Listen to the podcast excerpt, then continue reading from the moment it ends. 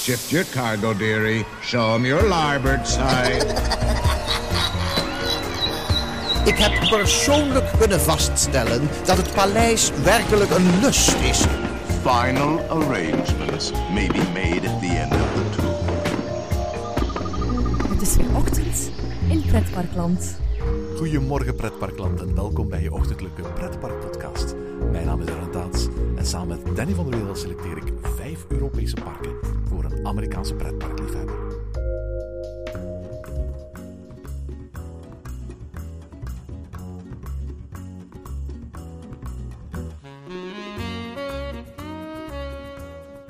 Goedemorgen Danny. Goedemorgen Erwin. Zeg Danny, voor deze aflevering pakken we een idee aan waar ik al heel lang mee zit. Het is trouwens geen eigen idee van mezelf. Maar het is een idee dat een aantal jaren geleden in Walt Disney World is ontstaan.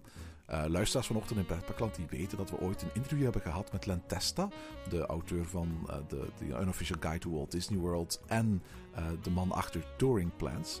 We hadden toen eigenlijk afgesproken op een bankje in het Engelse paviljoen in, in World Showcase in Epcot. En daar hebben we dat interview gehad. Maar uiteraard een interview, dat heb je nooit zomaar. Dan ga je eerst eventjes uh, wat drinken, je gaat een koffietje nemen, je gaat een beetje bijpraten, je gaat uh, elkaar wat leren kennen. En in dat gesprek dat we voor en achter dat interview hadden, bleek dat Lentesta eigenlijk, ook al was hij ontzettend vertrouwd met de themaparkindustrie van over de hele wereld, eigenlijk nog nooit echt in Europa pretparken had gedaan. Hij was wel al in Europa geweest voor een aantal pretparken in, uh, in Groot-Brittannië. Daar had hij zelfs al een gidsje voor geschreven. Hij was wel al uiteraard verschillende keren in Europa geweest voor Disneyland Parijs. Want ook daar bestaat een unofficial guide van. Maar de andere parken waar wij het vaak over hebben in Ochtend in Pretparkland, die had hij nog nooit bezocht. En hij vroeg me toen letterlijk op de man af: Jullie als Europeanen die een beetje vertrouwd zijn met alle parken in Europa, welke tips zouden jullie mij geven om als Amerikaan een dag of vijf verschillende parken te gaan bezoeken in, in, in Europa? Welke vijf parken moet ik zeker als Amerikaan hebben bezocht? Ik heb altijd in mijn achterhoofd gezeten met dat idee van: oh, daar moeten we eens een ochtend in pretparkland aflevering over maken. En dit is het perfecte moment daarvoor. Zeker, ja. En het is ook wel een hele leuke vraag natuurlijk. Want ja, kies je dan voor je favoriete parken, hè? de parken die wij als leukste vinden, of ik als leukste vind? Of kies je voor parken die een soort van, ja, een, een, een ode geven aan, het, aan de Europese cultuur misschien? Hè? Dus wat geef je eigenlijk als tips mee voor die parken? Een hele leuke vraag. En ik vond hem ook leuk toen je hem stelde. En ik, ik heb er ook echt even goed over na moeten denken omdat los van een aantal logische keuzes, ik ook een aantal keuzes heb gemaakt waarvan jij misschien zelf zou denken van, oh, maar leg eens uit. en dat gaat het uiteraard boeiend maken. Want ik weet op dit moment nog altijd niet welke vijf parken, want we hebben ons beperkt tot vijf parken, jij hebt gekozen. En jij weet op dit moment nog niet welke vijf parken ik heb gekozen. Ik ga even zeggen van, van als in, in het keuzeproces zelf heb ik niet zozeer gedacht aan wat zijn nu de vijf grootste parken, of wat zijn nu de vijf belangrijkste parken van Europa, maar welke vijf parken bieden een staalkaart aan van wat een Amerikaan in Europa zou moeten gaan bezoeken. Ja. En dat is eigenlijk waar ik me aan gehouden heb. En het is ook heel belangrijk om te zeggen dat het ook niet uh, direct mijn top 5 is van pretparken. Ik hou sowieso nooit heel erg lijstjes bij, um, omdat ik elk park heeft wel weer zijn charme. Um, en ik vond het ook wel een moeilijke vraag, omdat je maar vijf dagen had en ik moest heel veel schrappen. Ik had best wel een lijstje dat ik van, van een stuk of tien parken waarvan ik dacht, ja, maar hier moet je heen, hier moet je heen, hier moet je heen. Um, ik vond het een hele moeilijke keuze, maar ik heb er wel een aantal mooie genomen. Ik ben eigenlijk benieuwd hoeveel parken we in totaal zullen noemen. Dat zou er in principe vijf kunnen zijn. Maar dat zou er in principe ook tien kunnen zijn als we allemaal voor vijf unieke keuzes zouden kiezen. Ik kan me dat bijna niet voorstellen trouwens. Dat zou wel heel bijzonder zijn. Dat we geen enkele uh, overeenkomstige keuze maken. Maar ik ben wel eens benieuwd hoeveel parken we uiteindelijk aan Lentesta zouden kunnen bezorgen voor een bezoek van pakweg een week door Europa. En ik, ik ken ook behoorlijk wat pretparkliefhebbers, ook in de Verenigde Staten, uh, waarmee ik zelf al hier parken in Europa heb bezocht die, die exact dat hebben gedaan. Nu vaak uh, zijn dat uh, liefhebbers die om heel andere redenen naar Europa afzakken. Dat wil zeggen, ze gaan tegelijkertijd een aantal van onze grote steden bezoeken. Uh, gaan vaak letterlijk bij wijze van spreken tien landen aftikken op vijf dagen. En pakken daartussen zo'n zo'n beetje alle belangrijke parken mee waar ze zoveel mogelijk coasters kunnen aftikken. Want vaak zijn het ook achtbaanliefhebbers die zo'n beetje, als ze toch in Europa zijn, heel veel achtbanen willen gedaan hebben. Ongeacht de kwaliteit van die achtbanen. Dat laatste was voor mij in, in de keuze om een vijf parken eigenlijk totaal irrelevant. Ja, en ik moet zeggen, ik ben nu zelf bezig altijd om weer te kijken naar nieuwe tripjes, ook in Amerika. En ik probeer zelf voor mezelf altijd ook altijd een mix te vinden tussen unieke parken, waarvan je eigenlijk misschien niet direct uh, komt of waar je niet direct aan denkt. En juist om een soort van ja, gevoel te krijgen van... oké, dit is het pretparkaanbod in dit gedeelte van bijvoorbeeld Amerika. En ehm, dus ik heb nu ook een reis voorbereid in Amerika... waarin we gewoon een aantal grote parken gewoon overslaan. Ehm, bijvoorbeeld King Dakar ga ik niet bezoeken... omdat ik denk van ja, ik wil liever no- bijvoorbeeld naar Knoebels. Nou, dat soort keuzes... Die hebben we natuurlijk ook in Amerika. Ja, absoluut. En eh, die hebben wij nu ook eigenlijk gemaakt voor die imaginaire Amerikaan die naar Europa gaat. Hè. Ik ben wel benieuwd eigenlijk. Ja, ik, ik denk toch, maar mag ik dan toch even nog voorzeggen dat we wel één park waarvan ik zeker weet dat we die allebei wel hebben staan. Ja, absoluut. En dat is uiteraard Waligator Parken. Nee, ik, eh, ik, we hebben het natuurlijk over de Efteling. Ja, absoluut. Ik denk dat het ook een park is dat ons beiden verbindt met elkaar. En dat niet alleen ons twee verbindt met elkaar, maar dat ons eigenlijk hier in, het, eh, in Vlaanderen en Nederland ook verbindt met heel veel andere van onze luisteraars. Hè. Ja, zeker. En, en, en ik merk ook dat de Efteling ook in Amerika wel echt wordt gezien als zo'n must-do-park. Eh, je ziet wel van die vlogs wel eens voorbij komen. Je ziet wel eens ja, verslagen voorbij komen van die, van die blogs dus ook. En dan zie je dus dat de Efteling wordt gezien als die eh, Dutch Disneyland. Ehm, Ik ben niet helemaal eens met die vergelijking, om heel eerlijk te zijn. Maar ehm, de Efteling is in mijn optiek hoort wel echt op dit rijtje thuis. En het maakt mij niet zo uit of het nou op 1 of op 5 staat. De Efteling is absoluut het park wat voor mij eh, in dit lijstje terecht moet komen. Ik ben wel benieuwd waarom wij dat eigenlijk vinden. Ik kan me heel goed voorstellen waarom je eh, de Efteling als een soort van Dutch Disneyland gaat beschouwen. Maar dan niet op een vormelijke of inhoudelijke manier, maar misschien wel als status die het heeft. De status die Disney heeft binnen Amerika, dat is ook zo'n beetje de status die de Efteling heeft binnen Nederland, denk ik. Als de grand dame van de Nederlandse pretparkwereld. Ja, zeker. Want ik had het laatst toevallig met iemand over het attractieaanbod in de Efteling. En misschien is het niet op alle sporen heel erg bijzonder. Maar ik heb altijd het idee dat het voor de Efteling niet zo uitmaakt wat zij toevoegen. Tuurlijk, eh, hoe beter, hoe mooier, hoe leuker. Maar die mensen gaan toch wel komen, omdat juist die geschiedenis en die legacy die we hebben met dit park, met de sprookjes, met Anton Pieck, met de stijl van de Efteling, het gevoel van de Efteling, ehm, en vooral die authentieke waarde die dat park tot de dag van vandaag nog heeft, zo essentieel belangrijk is voor ehm, heel veel mensen om die Efteling dan toch te bezoeken. En voor mij is dat ook de reden dat ik de Efteling eigenlijk misschien wel op nummer 1 zet van bezoek deze, dit park echt als eerste. Ehm, voor mij is de Efteling juist dat stukje authentieke waarde wat we een beetje missen in heel veel andere parken. Er zit gevoel in, er zit een passie in die is neergelegd door de ontwerpers, door, door Anton Pieck al en door, door, door Tom van de Ven. Het is allemaal echt briljant en soms ook briljant in zijn eenvoud. De Efteling heeft geen grote eh, thematische gebieden bijvoorbeeld, maar de natuur is daar het thema. En dat is bijvoorbeeld het Sprookjesbos in essentie. Weet je, niet alle sprookjes vind ik even mooi of even goed. Maar doordat het in dat bos staat en dat het een combinatie is van factoren, ja, maakt dat zo bijzonder en zo uniek en ja, zo authentiek. En dat is wel heel fijn hè, om in zo'n park te lopen, waar toch een bepaalde rust heerst ook. Als wij als Europeanen naar Amerika trekken, dan is het grote verschil dat wij natuurlijk wel heel vaak de verhalen al kennen die we in de Disney-parken gaan aantreffen. Wij kennen Frozen, wij kennen Star Wars, uh, we kennen de, de, de Disney-animatiefilms. Het omgekeerde geldt vaak niet natuurlijk. Een Amerikaan die naar Europa komt, die is niet vertrouwd met Sprookjesboom, met Jokie en Jet. Die is niet vertrouwd met heel veel verhalen van de gebroeders Grimm of de gebroeders Andersen, behalve de allerbelangrijkste die dan toevallig of niet ook wel eens verfilmd zijn door, uh, uh, door Walt Disney. Dus, dus hij kijkt met een heel ander set ogen, denk ik, naar de verhalen die in de Efteling verteld worden, dan wij als Europeaan die naar een Amerikaans Disneypark gaan en daar verhalen zien die we doorgaans wel al kennen van film of tv. Ja, zeker. Um, en ik denk ook dat voor heel veel mensen, dan bijvoorbeeld wij Uh, vinden Symbolica misschien een hele mooie attractie. En, en, sommige mensen zitten daarin van, ja, maar wat zie ik nou? Of die zien dan bijvoorbeeld Hollebolle Gijs, die hebben die legacy niet. En die denken van, ja, maar wat is dit? Wat is dit voor raar? En ik heb dan ook altijd het idee dat Amerikanen de Efteling soms ook een beetje awkward vinden in de uitvoering. En daardoor misschien ook een beetje populair is daarin. Um, juist omdat ja, je ziet figuurtjes, uitbeeldingen. Bijvoorbeeld de, de, de, de ezel die munten poept. Ja, volgens mij zie je dat niet zo heel snel in Amerika. Nee, nee, nee, nee, nee. nee, nee. Inderdaad, dat, dat kan me eigenlijk totaal niet voorstellen dat dat daar zou kunnen. Nu, Walt Disney bezocht de Efteling nooit. Dat is een urban legend. En er is, er is heel weinig dat ik kan zeggen over de Efteling dat ik nog niet eerder gezegd heb over dat park ergens in een eerdere aflevering van Ochtend in Pretparkland. Maar ik ben zelf al een aantal keren met Amerikanen in de Efteling geweest. En aan de ene kant zijn Amerikanen steeds bijzonder onder de indruk van de enorme innemendheid van het park, van de enorme natuurschoon en van ja, dat, dat typisch Europese karakter dat de Efteling heeft.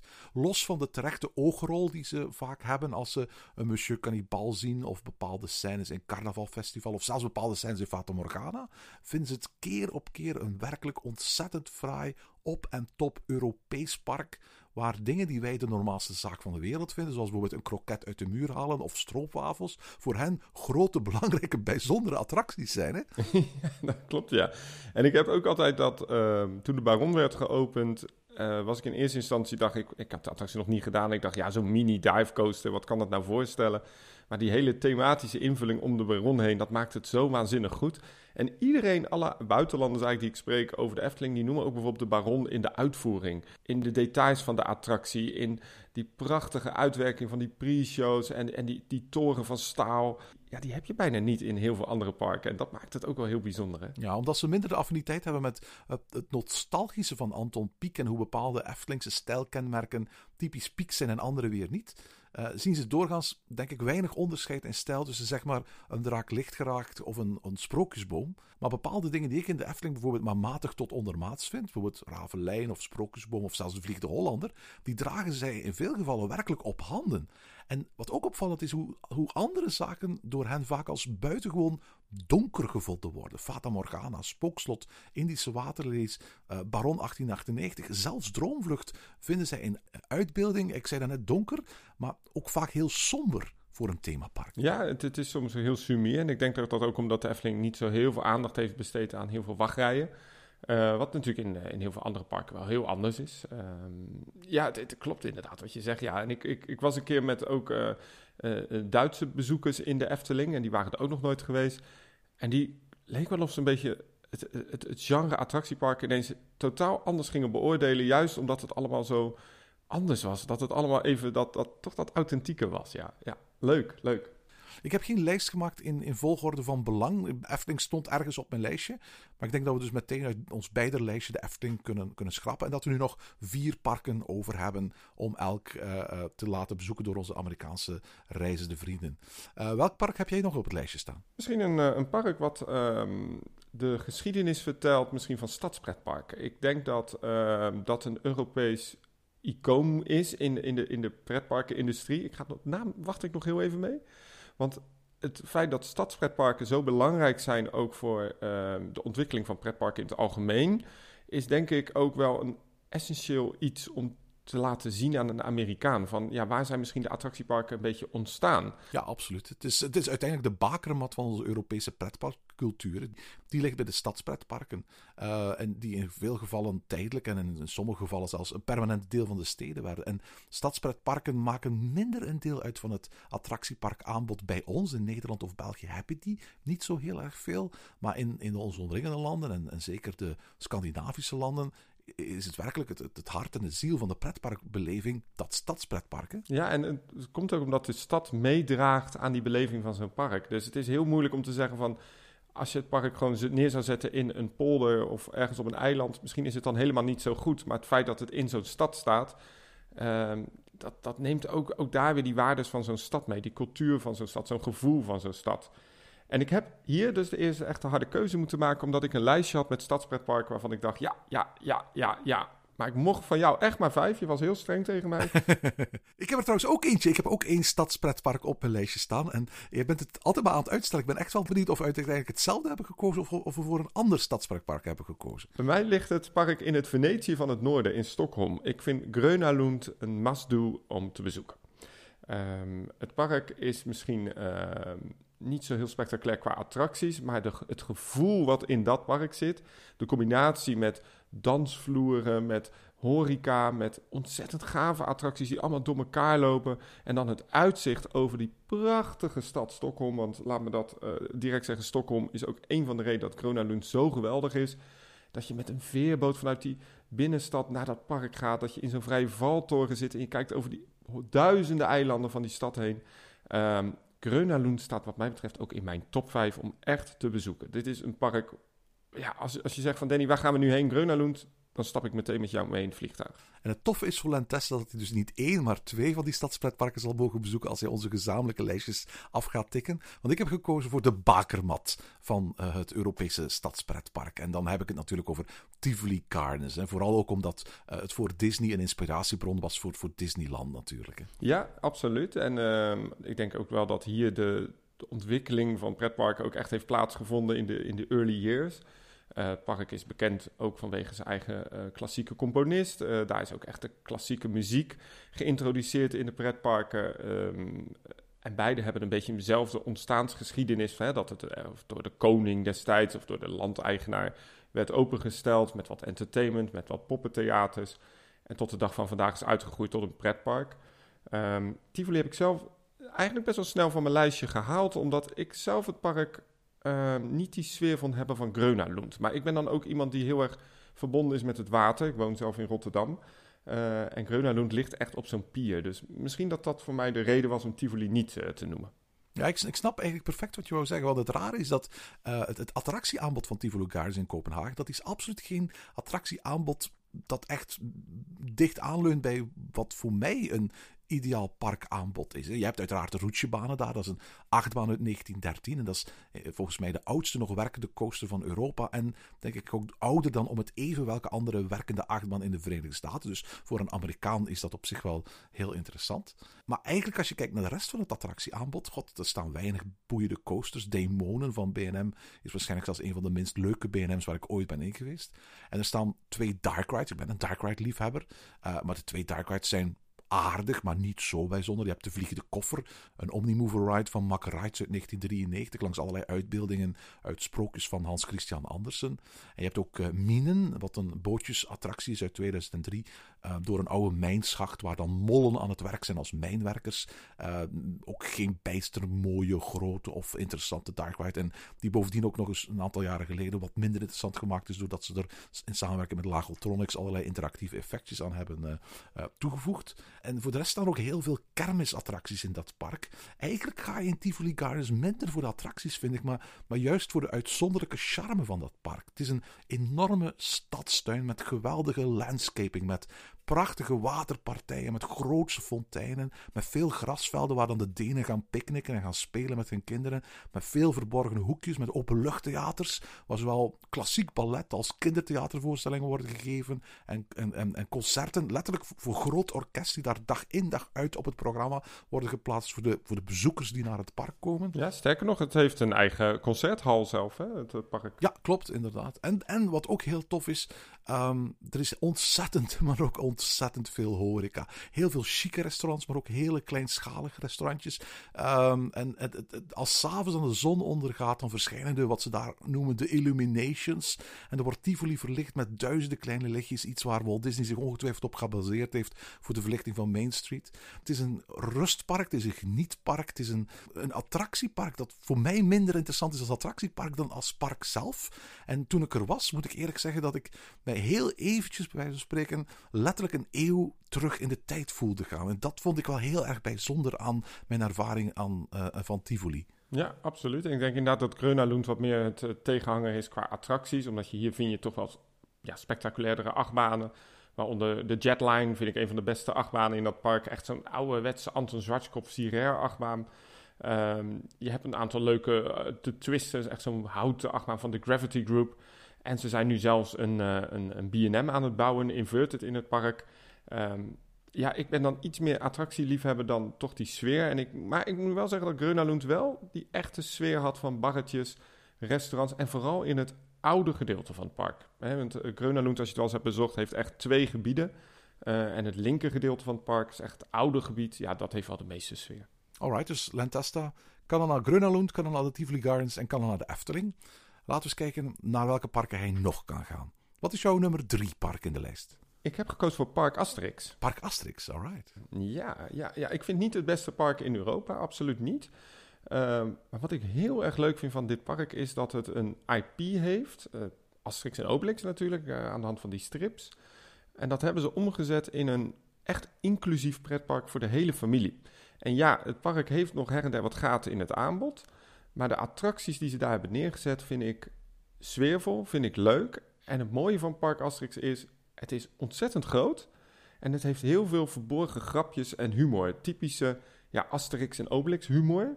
En elke keer als ik in dat park kom, dan denk ik van wat een leuk park is dit. Het heeft, is echt een attractiepark zoals je zou willen bezoeken. Het is echt een, geen, ja, het is een thema attractiepark, maar het is een, een, gewoon een beetje de basis van een goed, leuk attractiepark. Niet te veel uitbundige theming, maar wel een ja, classy aanbod met mooie attracties, leuke uitgewerkte gebieden. En eh, een aantal verrassende eh, attracties, zoals bijvoorbeeld de bobbaan daar zo. Osiris vind ik echt heel goed. Ehm, en natuurlijk Tonnerre de Zeus. Ehm, en ze hebben bijvoorbeeld ook een heel gaaf madhouse. ehm, waar ze ook wel dingen hebben gedaan dat ik denk van... ja, dit park is absoluut voor mij wel een park... wat je zou mogen bezoeken in zo'n top 5. En ze hebben dit jaar ook een heel nieuw, fantastisch mooi middeleeuws hotel geopend. Dus wat dat betreft, daar kijkt een Amerikaan ongetwijfeld ook zijn ogen op, op uit. Eh, ik heb het zelf eh, niet in mijn lijstje staan, maar ik, snap perfect wat je, bedoelt. En ik moet eerlijk zeggen, er is ook een, een aantrekkelijke reden voor mij om het op, op zo'n lijstje te zien verschijnen. En dat heeft te maken natuurlijk met het feit dat het bronmateriaal van Park Asterix het stripverhaal is. En ik denk dat het stripverhaal ook een op- en top Europese uitvinding is. Amerikanen hebben natuurlijk hun, hun, hun comic strips, hè, met al hun superheroes. Maar het, traditionele stripverhaal, de Suskes en Wiskes en Kiekeboes en Kuifjes en Asterixen van deze wereld, dat is iets wat als je in een Amerikaanse winkel binnenwandelt, een boekenwinkel binnenwandelt, daar veel minder aantreft. En dat ook een veel minder belangrijk deel is, of zo goed als geen onderdeel uitmaakt van de Amerikaanse cultuur. Aan de ene kant heb je daar eh, ja, de hero comics, die vaak in magazinevorm verschijnen in plaats van als stripalbumvorm. En daarnaast heb je dan de Sunday comics, de korte eh, eh, Calvin en Hobbes-achtige eh, drie plaatjes strips die, die, die, die hele korte gags vertellen. En ik vind het eigenlijk wel fijn dat door een bezoek aan Park Asterix eigenlijk die stripcultuur ook een beetje op dat programma, dat reisprogramma van die Amerikaan terechtkomt. Ja, en ik wil toch nog ook iets zeggen. wat je in parken steeds meer gaat missen, zijn echte goede uitgewerkte stuntshows. En eh, in Park Asterix heb je een hele verrassende, goede, spectaculaire, met een waanzinnig decor, een hele goede show. Mijn Frans is niet zo goed, dus daar moet je me even helpen. Main basé sur le Jaconde of zoiets? Main bas sur la Joconde kun je eigenlijk vertalen als de Mona Lisa heist. Of, of eh, ja, de diefstal van de Mona Lisa. Dat is het eigenlijk. En dat is ook het verhaal van die stuntshow. Hè? Ja, en, en het is, heeft totaal niks te maken voor mij met de strips van Park Asterix, maar het eh, bevindt zich in het Franse gebied van dit park. En ehm, ja, weet je wat het mooie is? In een, rond een half uur is er een enorme ja, show met auto's, met zelfs een trein, gewoon een echt werkende trein die komt oprijden, een boot die er ligt, die vergaat. Het is een, een bijzonder spectaculair schouwspel en eh, zeker de moeite waard als je in dat park bent. En ehm, ik vind het wel leuk dat zo'n park ook zo'n ja, unieke show heeft. De, de reden misschien ook om dat park dan toch eens te noemen in zo'n top 5.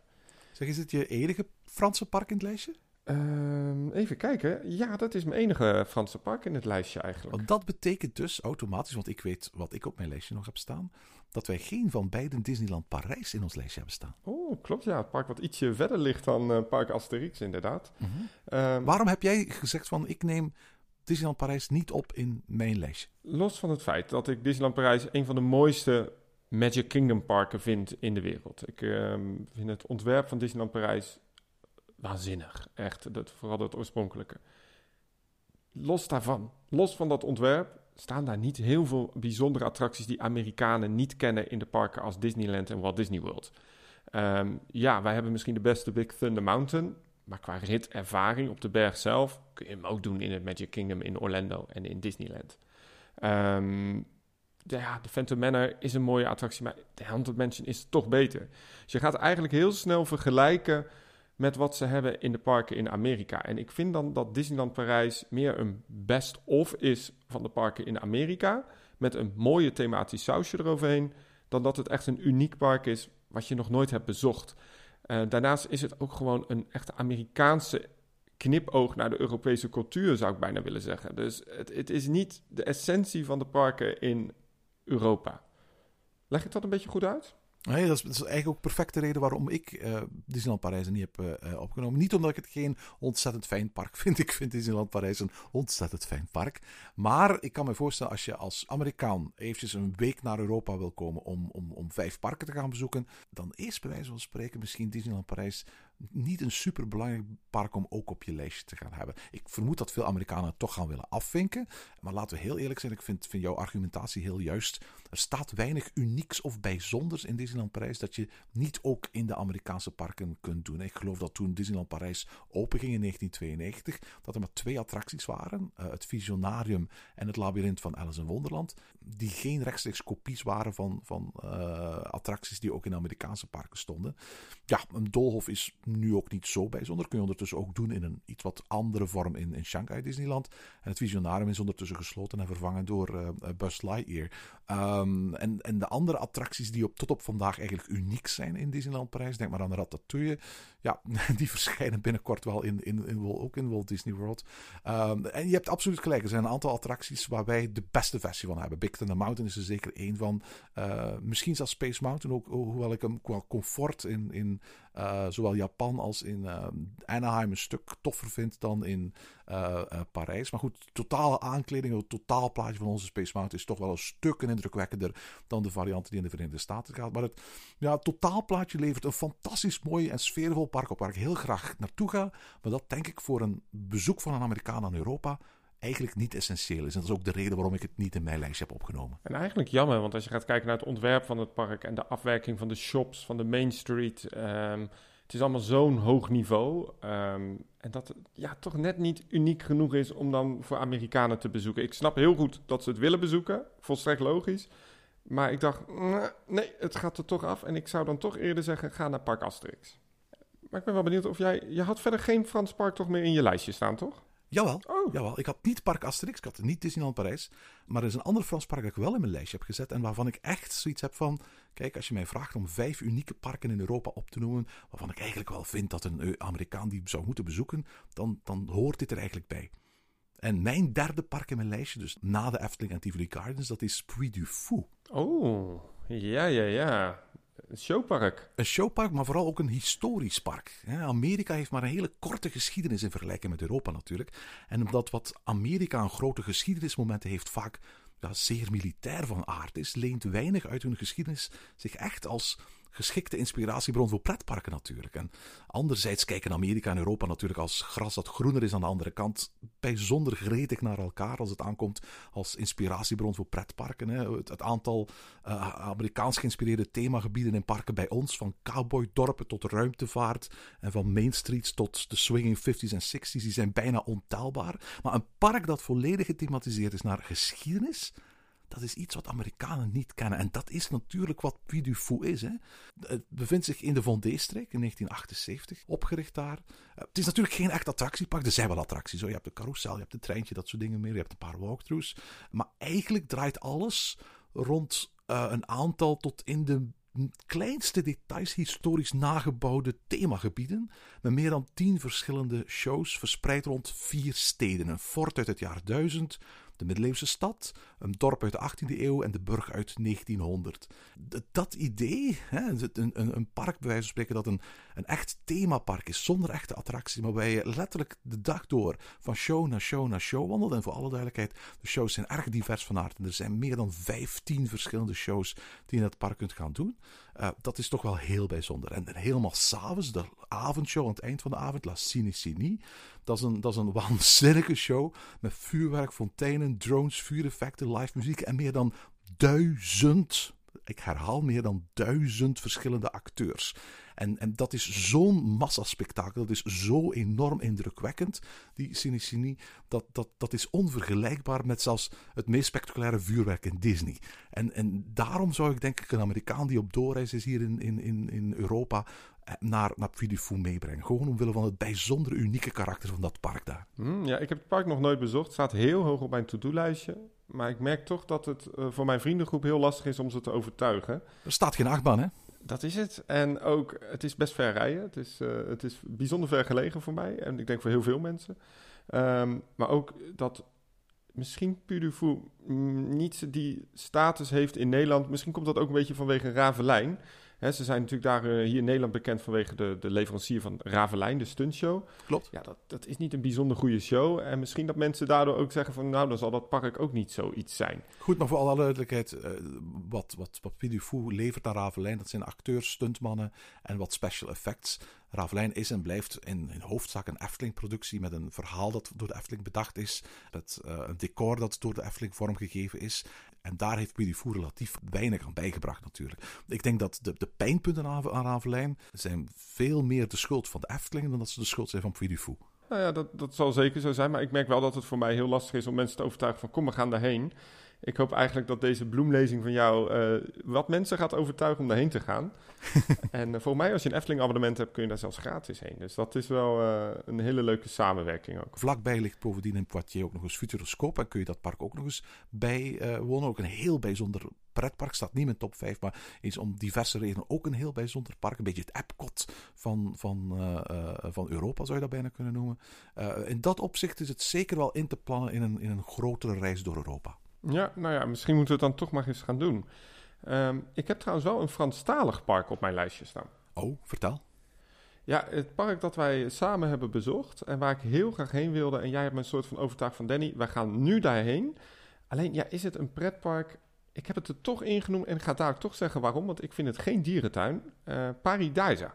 Absoluut. En het toffe is, dat was ook het volgende park op mijn lijstje. Echt waar? Ah. Absoluut. Ik had ook Paradise op mijn lijstje staan. Ik ben heel blij om te horen dat het ook op jouw lijstje staat. Want voor mij is het een, ja, een verborgen schat in Europa. En iets waar ik zeker een Amerikaanse bezoeker die naar Europa komt, mee naartoe zou willen nemen. En ik ben wel benieuwd waarom jij uh, precies die reden hebt. Maar mijn reden is toch, uh, ik kwam daar eigenlijk zonder voorbereiding binnen. En op een gegeven moment zei jij tegen mij, Danny, we moeten nu wel opschieten, want het park is nog best wel groot. En het was al ver in de middag. Het bleef maar doorgaan met waanzinnige, ja, beleveniswerelden zijn het. En wat ik het mooie vond van Paradisa, ook hier komt het woord weer, het was heel erg authentiek.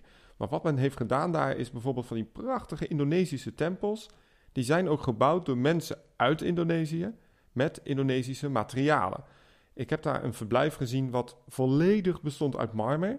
Uh, volgens mij een apenverblijf. Klopt, ja, het orang-oetan verblijf. Ja, ik wist niet wat ik zag. De details in dit hele gebied, maar ook dat gebied bij de Witte Tijgers. En dan al die prachtige tuinen ervoor, um, de filosofie van dat park. Dat, dat, ja, ik, ik was weggeblazen door het concept. En het ging mij niet om de dieren, maar het ging mij om die totaalbelevenis. En ik vond het wel echt heel bijzonder wat ik zag. Dit was iets wat ik in al die parken bezoeken die ik in de wereld heb bezocht. Dit was een van die parken waar ik weg was geblazen. En eigenlijk dacht van, ik wil hier zo snel mogelijk terug. ik ben heel blij dat te horen zeggen, Danny. Want, want eigenlijk heel veel van de dingen die je nu zegt, zijn echt ook dingen waarom ik Paradise zo bijzonder vind. Ik weet dat veel van de Vlaamse luisteraars, die zullen al ontelbare keren in Paradise geweest zijn. Maar voor de Nederlandse luisteraars vanochtend in Pretparkland, voor wie Paradise een stuk verder weg is uh, en die er misschien nog niet geweest zijn, kan ik niks anders doen dan zeggen van, uh, dit is niet alleen een bestemming voor een Amerikaan die naar Europa komt. Dit is ook een, een bestemming voor iedereen in Europa die is echt van zijn sokken geblazen wil worden. Want Paradise uh, is de, moeite van een bezoek waard. Het is geen dierentuin, vooral duidelijk. Ja, het is een, het, ze hebben dieren, maar het is een ommuurde verzameling van wereldtuinen, zoals ze het zelf noemen. Waarbij de architectuur, de beeldhouwkunst, de muziek, de culinaire tradities naast de, de, de dieren uit die gebieden centraal worden gezet. Er zijn een paar attracties, zoals een authentieke stoomtrein, maar de, de grootste attractie van Paradise, hè, dat is het park zelf. Dat groots en monumentaal is opgezet, maar vaak ook bijzonder intiem aanvoelt. En de verschillende wereldtuinen die voelen niet aan als een pretpark. Hè. Wat, wat jij uh, daarnet al opmerkte. Het is authentiek. Het is gemaakt in een, in een, in een traditie van, van, van authentiek architectuur. Waarbij men vaak een beroep doet op de mensen uit de landen waar die dingen oorspronkelijk uit vandaan komen. En de enorme afstanden en ruimte die het park heeft, zorgt ervoor dat uh, het een, ja, een themapark is als geen ander ter wereld. Het wordt soms wel eens het Animal Kingdom van Europa genoemd. Maar naarmate Paradise groter en meer volwassen wordt, vind ik steeds meer dat die vergelijking het park eigenlijk geen eer aandoet. Weet je waarom ook? Omdat ik vind wat dit park heel goed doet, is ook religie meenemen in zijn thema. En dat doen ze op zo'n mooie manier. Um, ik, je hebt daar bijvoorbeeld een grote Balinese tempel, die mag je ook niet bezoeken Omdat wij niet bij die religie horen. Hè?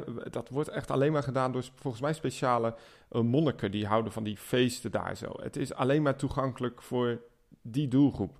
Het vertegenwoordigt de cultuur, maar ook de religie van zo'n land, van zo'n omgeving, de dieren, de tuinen. En dat doen ze op zo'n, ja, inderdaad, wat je zegt, intieme, maar ook hele secure manier. Er is wel echt rekening gehouden met en respect uh, getoond voor ja, die omgeving. En dat is zo'n Animal Kingdom niet, want dat is gewoon door een Imagineer bedacht. En dat is prachtig. Ik, mooi park, een van mijn favoriete parken ter wereld. Absoluut. Maar het is bedacht. Ja. Het is niet echt. Ja, absoluut. En Imagineers noemen zich altijd storytellers. Hè? Ze willen verhalen vertellen. En ik heb altijd het gevoel dat als ik een Paradise ben, dat Paradise niet wil vertellen.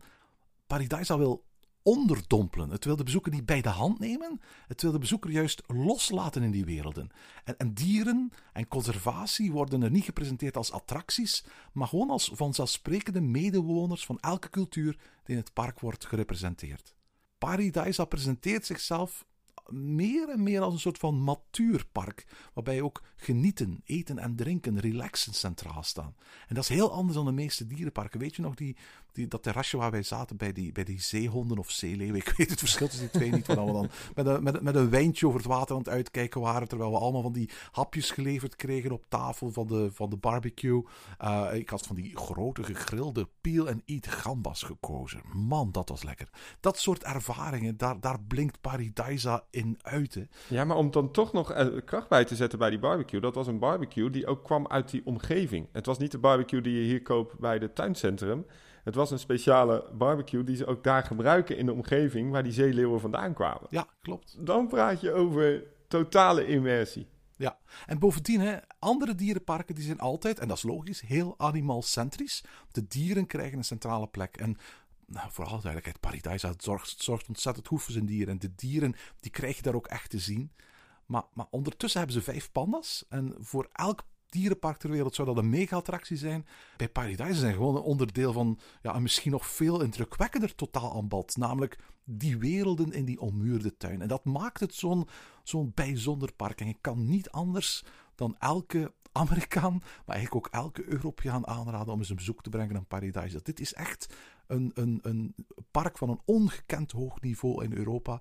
Uh, dat, dat wat mij betreft absoluut op het lijstje staat. Ik geloof dat in de Michelin-gids voor België wordt het als een van de tien plekken in België genoemd die je absoluut moet hebben bezocht. Naast Brugge, naast Gent, naast Antwerpen, naast Brussel staat daar in één keer een dierenpark Paradise. Hoe, hoe bijzonder is dat? Ja, en daarbij moet wel gezegd worden dat je een beetje mee moet gaan in natuurlijk die Belgische cultuur. Ook van smiddags lekker warm eten. Uh, iets wat wij in Nederland niet zo heel vaak doen. Uh, jij hebt gezegd, Danny, we gaan nu lekker eten. En voor mij hebben wij gegeten bij, ja, wat was het? Een bierbrouwerij? Ja, absoluut. Een echte authentieke bierbrouwerij. Nog samen met Marie Verhulst, die was er toen ook, hè? Ja, ja, ja, ja de nieuwe baas van Samsung. En um, dat, was, oh, dat was zo genieten. En de service, ja, nee, ik, ik, we kunnen hier te lang over doorgaan, merk ik al. Uh, misschien toch nog even iets benoemen, ook wat dit park zo sterk maakt. Wij kregen een, een korte rondleiding van de persvoorlichter van het park, omdat ik daar een vlog heb opgenomen. En die vertelde ons zo uitbundig ook over elk bloemetje, over elke buxusbol, over elke plant die is geplant. En alles klopt daar gewoon. Ik, ja, ik, ik ben een groot fan van Paradise. Alright, dus dat wil zeggen dat we op dit moment op het lijstje staan hebben Lund, Tivoli Gardens, de Efteling, Park Asterix, Puy du Fou en Paradise. Zes parken. betekent dat we nog één park hebben op jouw lijstje en één park op mijn lijstje. Ik ben eens benieuwd welk park dat wordt. Ja, ik ook, maar ik heb, het probleem is, ik heb meer parken opgeschreven. Ik moet even gaan kiezen. je moet nu echt één kiezen. Dus, onze luisteraars willen nog maar één park van jou horen. oh, dit is moeilijk, dit is moeilijk. Um, um, ik ga dan, ja, nee, ik, ik ga kiezen dan voor, ja, toch Europa Park. Europa Park, alright. Ja, ja, niet zozeer omdat je daar alle landen van Europa kunt zien, uh, of in ieder geval grotendeels, maar wat dit park doet, is het resortgevoel voor mij opnieuw hebben uitgevonden. En wij kennen pretpark resorts als Disney World natuurlijk wel, en misschien ook Disneyland Parijs of PortAventura. Maar geen park slaagt erin, in mijn optiek, om dat resortgevoel zo sterk te benutten als in uh, Europa Park. Uh, eigenlijk wat Paradise, hè, wat jij net zei, het is een totaalbeleving je met dieren, planten en eten. Dat heeft Europa Park op zijn manier ook. Je gaat niet naar Europa Park voor de attracties misschien. Ja, er staan grote, mooie achtbanen. Maar er staan ook beter in Europa. Ja, het is ook geen zo'n bijzonder attractieaanbod. Hè? Nee, zeker niet. Ik bedoel, als je, als je kijkt, ja, de achtbanen, er staan een aantal toffe achtbanen. Hè? Silver Star, eh Blue Fire, dat soort dingen meer. Maar goed, een Amerikaan die Amerikaanse parken gewend is, zelfs gewoon een Lantesta in Orlando, die wordt daar omringd door een verzameling van, van, van achtbanen die vele keer indrukwekkender zijn dan het totaal aanbod van Europa Parken. En hetzelfde geldt uiteraard ook voor de dark rides. Hè? Je hebt een leuke collectie dark rides, maar geen dark ride springt eruit zoals in, in, in, in Orlando de Disney dark rides eruit springen. En de reden dat ik het toch noem is omdat het allemaal bij elkaar past. Het, park heeft een goed horeca-aanbod, heeft een mooi entertainment-aanbod, heeft leuke attracties. Het is elke keer weer genieten in zo'n park. En wat ik heel st- sterk vind bijvoorbeeld bij Blue Fire... ehm, stel, ik durf niet in die attractie. Er is zoveel te doen om die attractie voor het hele familie, voor het hele gezin. Eh, papa en mama kunnen bij het koffiehuis wat lekkers eten. Een goed, lekkere taart. Weet je, ik heb nog nooit slecht gegeten in Europa Park. De kinderen kunnen misschien in de Splash Battle, die kunnen gaan spelen. En de, de oudere kinderen kunnen in die achtbaan. De combinatie van dit park vind ik gewoon heel goed. Het is misschien zelfs een tikkeltje too much soms. Het is een stukje over-entertainment zelfs. Maar de combinatie, alles bij elkaar. En dan s'avonds afsluiten met een biertje op die kietserige Hotel Colosseo Plaza. Ja, ik hou er toch van hoor. Ik snap helemaal wat je bedoelt, Danny, maar, maar toch heb ik Europa Park niet in mijn lijstje opgenomen. En voor alle duidelijkheid, ik heb het niet in mijn lijstje opgenomen. Niet omdat ik Europa Park niet een ontzettend fijn park vind. Ik ga er jaarlijks naartoe. Ik ga er heel erg graag naartoe. En denk ten opzichte van al mijn vrienden hier in Vlaanderen, eh, nadat ze eens naar Bobby Allen en Walibi en de Efteling zijn geweest, ga ik altijd zeggen van, zeg jongens, nu is het tijd, nu moet je ook eens naar Europa Park gaan. Zo hoog schat ik Europa Park in. Natuurlijk, het uitgangspunt voor deze podcast was anders. Hè? Het, het, uitgangspunt voor deze podcast was: welke vijf Europese parken raden we aan? En ik ben al met een Amerikaanse vriend in, in Europa Park geweest. En, en dat bezoek heeft, denk ik, mijn mening heel erg gekleurd. Hè? Ehm, die vond het allemaal een, een, een, een wat weird park. En die stoorde zich ook aan de flagrante rip-offs van een muis als mascotte. Met een voornaam die eigenlijk de initialen zijn van de oorspronkelijke naam van Disneyland Parijs. Tot de vele Disney rip-offs. Dus Haunted Mansion, Jungle Cruise, Carousel of Progress, Soarin', Pirates of the Caribbean, Autopia, het gebouw van Spaceship Earth. Eigenlijk nogal schaamteloos allemaal. En de Amerikanen met wie ik al in Europa Park was, die waren onder de indruk, absoluut. En op zich is dat ook interessant. Maar ze ergerden zich ook behoorlijk aan het namaken Disney-gevoel. Vooral omdat het best dat Europa Park te bieden heeft, juist vaak de dingen zijn die ze zelf hebben bedacht.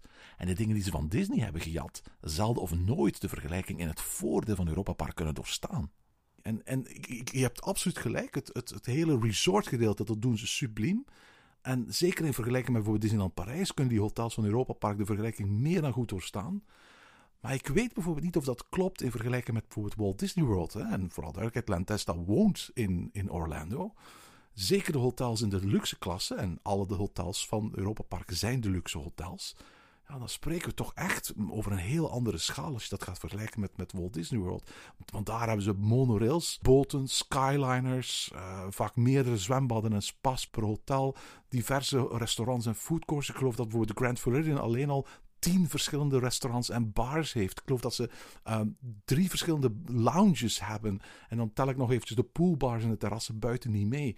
Binnen Europa is het zo dat je absoluut kunt zeggen dat ehm, eh, Europa Park, zeker wat het resorts betreft, op een, op een onevenaarbaar, zelfs boven Disneyland staat. Maar ik weet niet of die vergelijking met Walt Disney World even goed eh, eh, te doorstaan is. Ik denk dat je in Walt Disney World zowel luxueuzere als grootsere als, als, als veel meer verschillende opties gaat hebben.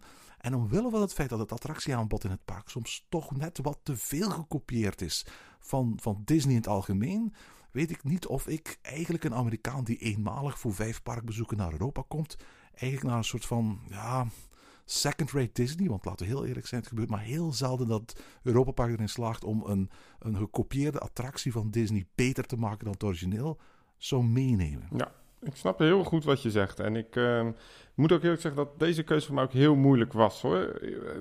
Misschien waardeer ik het feit dat Europa Park voor mij als park misschien een van mijn favoriete parken is. Misschien iets te hoog, wat jij zegt.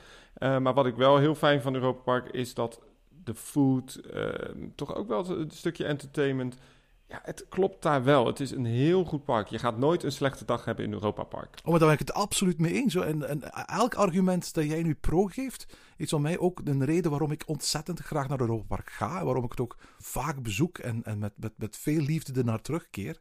Maar, maar, maar er is een ander aspect aan Europa Park waarom ik juist in deze imaginaire casus, namelijk laten we eens vijf parken aanraden voor een Amerikaan, Europa Park niet in het lijstje zou opnemen. Maar jij hebt ook nog één keuze. En nu ben ik wel echt heel nieuwsgiewig wat jij hebt staan. Ja. Ik, ik heb zelf nog een paar reserveparken, maar die ga ik niet noemen. Maar nee, nee, nee, het was vijf, vijf of en daar dat- houdt het echt Ja. op. Hè. Dat is uh, zijn kleine boodschap niet.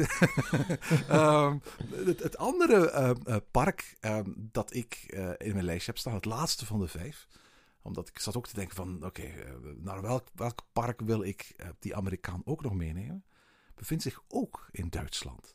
Het is niet Europa Park, maar het is Fantasieland. Oh, ja, ja. Fantasieland heeft een erg boeiende ontstaansgeschiedenis. En laten we heel eerlijk zijn ook, de eerste pakweg 10, 20, 30 jaar van het bestaan van, van Fantasieland hebben zich nog meer dan een beetje gebaseerd op de oorspronkelijke Disneyparken. En het was, er was een tijd dat letterlijk elke nieuwe attractie, of dat nu een Hollywood Tour was die afgekeken was uit MGM, of Space Center, dat duidelijk hun variant van Space Mountain was, of de Colorado, wat dan hun Big Thunder Mountain was. Er was een tijd dat letterlijk bij wijze van spreken elke grote nieuwigheid die Fantasieland voorstelde, dat dat een kopie uit, uit Disney was. En hadden ze dat blijven doen, dan was Fantasieland niet op mijn lijstje terechtgekomen. Maar sinds de grote brand van Fantasieland, aan het begin van deze eeuw, heeft Fantasieland gezegd van nee, we moeten dit park eens serieus onder handen nemen. En die transformatie die de afgelopen 20 jaar Fantasieland te beurt is gevallen, heeft ervoor gezorgd dat het park echt veranderd is in een park met unieke keuzes. Zowel naar attractieaanbod, als naar thema, als naar thematische uitwerking.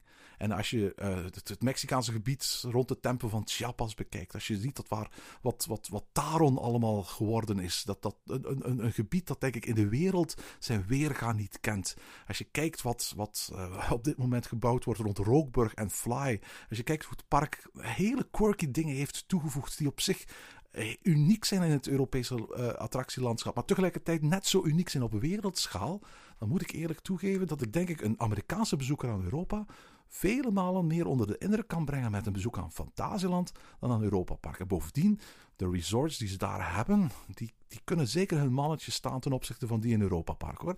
En uh, dat geldt met name ook voor hun culinaire capaciteiten. Absoluut. Ik denk dat uh, de horeca in heel veel Duitse parken heel goed is. Ik denk Europa Park heel goed, zoals we noemden, maar zeker ook Fantasieland. Ik denk dat we daar uh, de beste buffetten hebben in hotels die ik ooit heb gezien. Uh, is wel één groot probleem voor Fantasieland, wat mij betreft ik vind het park sinds die brand ook niet meer gebalanceerd. Het park uh, richt zich voornamelijk op een oudere doelgroep qua jongeren. Uh, het is geen familiepark meer. En ja, dat pretenderen ze dus wel te zijn. Maar eigenlijk elke grote nieuwe uitbreiding, daar zit wel een minimumlengte op. Daar, daar moet iets voor wijken wat voor de hele familie geschikt was. En wat ik heel erg mis nu in dit park, is dus dat het voor de hele doelgroep interessant is. En ik kijk altijd naar mijn eigen gezinssamenstelling, althans met mijn, met mijn ouders. En die hoef ik bijvoorbeeld niet naar Fantasieland mee te nemen, omdat die durven niet in achtbanen. Dus dan is het er gewoon niet zo heel veel te bezoeken in dat park. Ja, en ik denk ook bijvoorbeeld dat, dat gezinnen met hele jonge kinderen ook heel weinig te zoeken hebben in Fantasieland. Het is op zich wel een, een heel bijzondere keuze. Het is, het is, het is uh, een keuze die ik zelf niet zou maken. En ik hoop echt dat Fantasieland misschien de komende vier, vijf investeringen die eraan komen, die, die, die, die, die keizware achtbanen eventjes naast zich laat leggen. En misschien wat meer gaat uh, investeren in belevingsattracties en dark rides en dat soort dingen meer. Ja, wat ook, wat ook de essentie is van Fantasieland. Hè? Want je hebt net wel gezegd, die eerste jaren van Fantasieland zijn helemaal niet zo interessant. Het park is wel ontstaan vanuit de dark rides, vanuit de poppenspelers, vanuit Klopt, ja. die dark rides. En ik denk wat, als je, je kunt van mij alles vinden over de Hollywood Tour en de Silbermine. En Silbermine is inmiddels weg. Ja, daar staat nu een hele gave, goede achtbaan voor in de plaats. Maar verder ook niet zo heel veel meer. En dat vind ik een beetje jammer op dit moment aan Fantasieland. Tuurlijk, het park is klein. Maar als ik dan bijvoorbeeld toch ga kijken naar parken die ik eerder heb genoemd, bijvoorbeeld die Grönalund, ja, dat is wel zo'n inclusief park, ook op zo'n kleine locatie. En ja, inderdaad, ik hoop, net wat je zegt, dat men nieuwe gebieden, of misschien gaat men ons nog heel erg verrassen in, in Rookburg, dat daar misschien nog een dark ride in zit. Je weet het niet, we weten het allemaal niet.